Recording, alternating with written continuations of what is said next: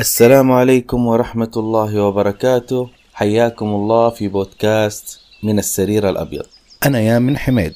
فعلا البودكاست هذا من السرير الأبيض. أي من سرير ال- المستشفى.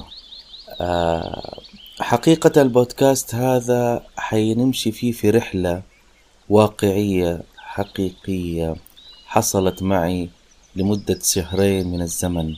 شهرين طويلة والله كانت بالنسبة لي. مريت فيها ما بين آلام وفترات حزن فترات ارتباك فترات راحة فترات اطمئنان ثم العودة مرة أخرى إلى الخوف آه، من بعض العمليات المعقدة اللي آه، أجريتها. آه، مريت بفترات صراحة كان فيها من الاكتئاب الشيء الكثير والكبير والله. فعلا كانت فترات ما هي سهلة. آه، سبحان الله تشعر في هذه الفترة بضعفك كإنسان. آه، و- وبعجائب خلق الله عز وجل. سبحان الله الف- ال- ال- الفترة هذه الشهرين اللي أنا كنت فيها على السرير الأبيض يعني كانت درس درس كبير لي. كانت في مساحة مساحة إني أنا أتفكر وأتأمل في كثير من المواقف وكثير من القرارات وكثير من القواعد اللي أنا حاطها في حياتي.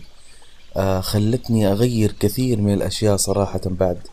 آه بعد ما عديت الحمد لله رب العالمين. آه هذه الفترة بسلامة. أبشركم الآن أموري طيبة الحمد لله رب العالمين. آه بعد إجراء عمليتين جراحية آه يعني آه خليني أقول لكم تعقيدها كان إنه هي كانت في المخ. في المخ والله تخيلوا كانت في المخ. ال- الأطباء والاستشاريين كانوا من يقولوا لي يوصفوا لي العملية إيش اللي حيسووها كأنهم كانوا يعني عارف كأن يعني جرح صغير كده نخلص ونمشي يعني. بس ال- الحمد لله يعني ما كانت صراحة آه، بالسهولة. هذه كان فيها من التعقيد الكثير وتأجلت يمكن مرتين.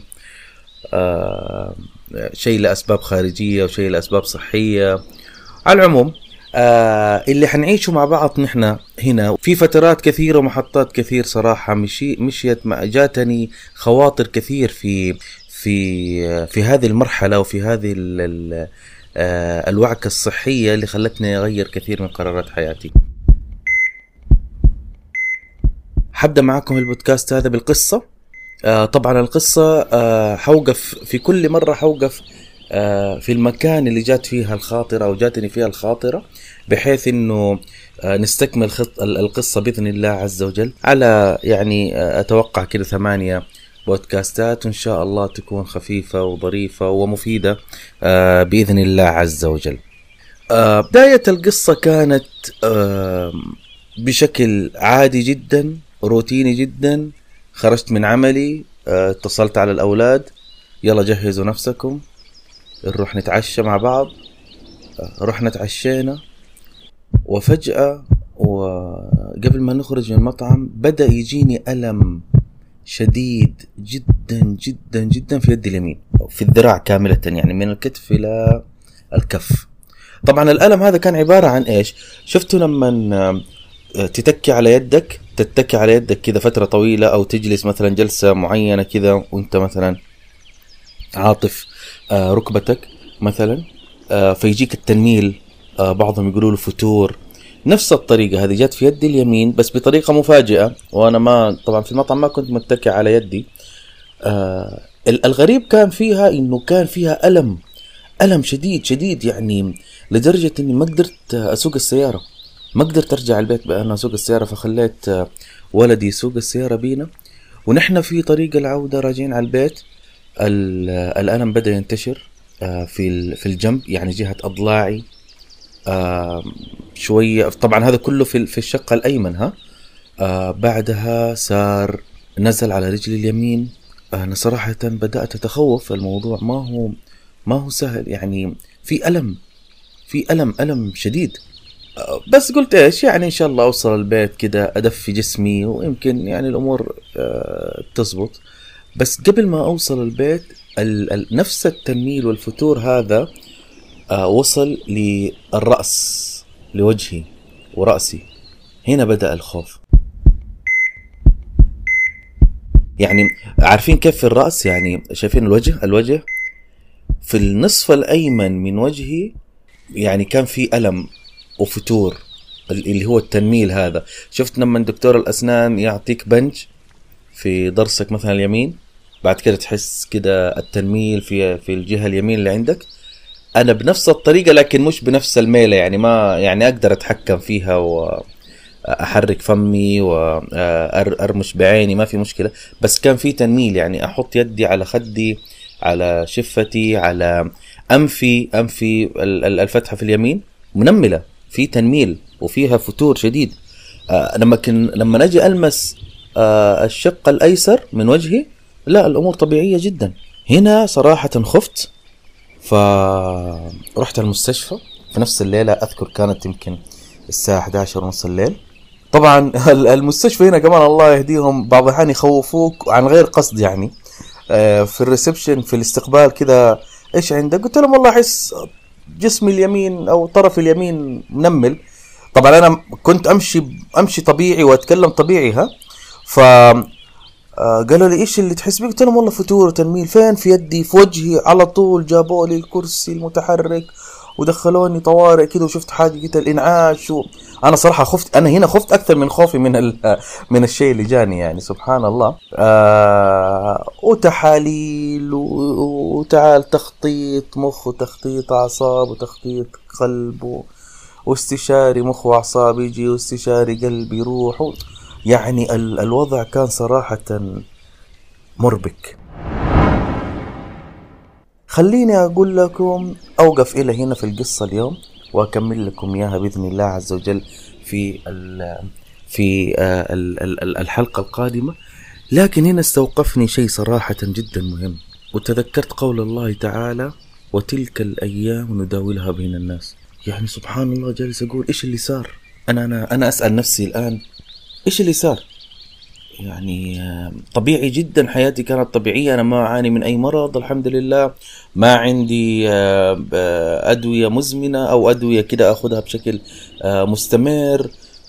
ما أعاني من حاجة معينة. يعني يمكن نقول السمنة أوكي بس مو مو ذيك السمنة كمان يعني. لكن في الأخير ما هي واصل مرحلة المرض إنه أنا أخذ علاجات وأدوية ضغط وسكر ولا أي علاج آه، آكل طبيعي وكان عملي طبيعي جدا. يوم عمل طبيعي بالنسبة لي في ذاك الوقت. ف جلست أفكر أقول إيش اللي صار؟ إيش اللي قلب الدنيا يعني كده فوق تحت؟ فعليا فعليا هناك أنا بدأت أفكر أقول حياتي انقلبت 180 درجة. أنا بدأت أعرج حركتي صارت صعبة نومتي صارت صعبة. ما ماني قادر أروح للعمل. طيب أنا ماني مستعد. فعليا أنا مش مستعد لأي حاجة توقفني عن حياتي الآن. أنا ماني مرتب نفسي ترى مثلا ال ال ال الأمور المالية على سبيل المثال لأهلي و ومصاريفهم وكيف أنا أصرف عليهم.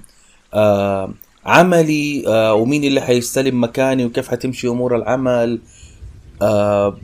مرضي هذا نفسه أصلا انه هو يوقفني عن حياتي آه، الطبيعية؟ ابدا ماني مستعد. ولا عمره جاء في بالي أصلا إن أنا أفكر في الموضوع هذا. ولا عمره جاء في بالي أصلا إنه أنا يعني أخطط ولا إني أرتب أصلا نفسي إنه ترى والله ممكن في يوم من الأيام يصير لك شيء. فأنت لازم تكون مرتب أمورك. سبحان الله جلست أفكر أقول انقلبت الحياة كذا؟ طيب آه الرسول صلى الله عليه وسلم يعني في الحديث الذي روته عائشة رضي الله عنها أنه كان أكثر دعائه يا مقلب القلوب ثبت قلبي على دينك. والله يا جماعة هنا بدأت أفكر بعمق. فعليا إذا كان المؤمن يسأل الله عز وجل يا مقلب القلوب ثبت قلبي على دينك. معناته إنه من سنة الله في هذا الكون إنه ما في شيء يبقى على حال. ولذلك دوام الحال من المحال. مستحيل مستحيل إنه حالتي الصحية تبقى كما هي. مستحيل إنه أنا حالتي المادية تبقى مستقرة كما هي. مستحيل إنه حالتي النفسية تبقى مستقرة كما هي. مستحيل إنه إيماني يبقى مستقر ودائما عالي كما هو. ولذلك الإيمان يزيد ويضعف. ولذلك الإيمان تجي فترات فيه فتور. آه سبحان الله الإنسان يكون بصحته فجأة مرض. أي مرض أي مرض إن كان أي مرض آه زكام سخن سخونة جاله صداع في الأخير حالته الصحية ما هي ثابتة. آه خرج من البيت مبسوط الصباح رجع من العمل وهو متضايق. حالته النفسية ما هي ما هي ما هي مستقرة. ما هي ما هي في مكانها. هذا الإنسان. طب خلونا نشوف كده كمان مثلا أوضاع الشركات. فجأة نسمع شركة فلست. فجأة إنسان فلس. آه نوكيا مثلا كلكم تعرفوا قصة شركة نوكيا وش اللي صار فيها بعد ما كانت في القمة وصارت آه في الدحديرة يعني. آه آه ياما نسمع ناس كانوا متمسكين بدينهم بعدين تفلتوا نسأل الله عز وجل أن يهديهم وأن يثبتنا على ديننا. آم قصص كثير كثير. يعني الدول الدول نفسها ما هي مستقرة. يعني أقرب شيء الآن الأحداث مثلا أوكرانيا. في يوم وليلة آه صاروا مشردين. آه سوريا لبنان العراق اليمن آه يعني عارف حتى الدول أحوالها ما تكون آه ثابتة ومستقرة. فجلست أفكر هنا أقول طيب ليش ما أنا أكون جاهز لأي ظرف كان لأي ظرف يصير؟ علشان كذا يعني إحدى إحدى إحدى الوصايا من الرسول صلى الله عليه وسلم إنه يكون عندك أنت وصية.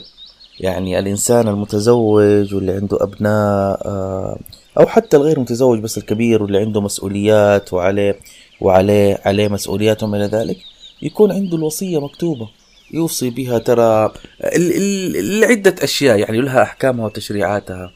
فجلست أفكر والله في الموضوع هذا كثير وحقيقة خفت خفت لأني ماني جاهز. طيب أنا ماني جاهز إنه أنا أرتب أموري في الدنيا. شوفوا هذه الثاني هذه هذه النقطة الأولى. السؤال الثاني اللي جاء في بالي هنا هل أنا جاهز للآخرة؟ آه هنا والله الموضوع زاد زاد خوفي هنا كمان. لا سمح الله فجأة يصير لك شيء. طيب أنت حتروح بكرة تقابل رب العالمين. طيب أنت جاهز إنك أنت تدخل قبر الآن وتسأل وتحاسب. طيب أنت أصلا جاهز ك... ك... كإيمان وحسنات آه إنك أنت تدخل الجنان بإذن الله عز وجل وتبعد عن ال... على النيران. والله كل هذه الأفكار والخواطر جاتني صراحة وأنا وأنا وأنا في في غرفة الطوارئ وقتها لأني كنت فعلا مرعوب.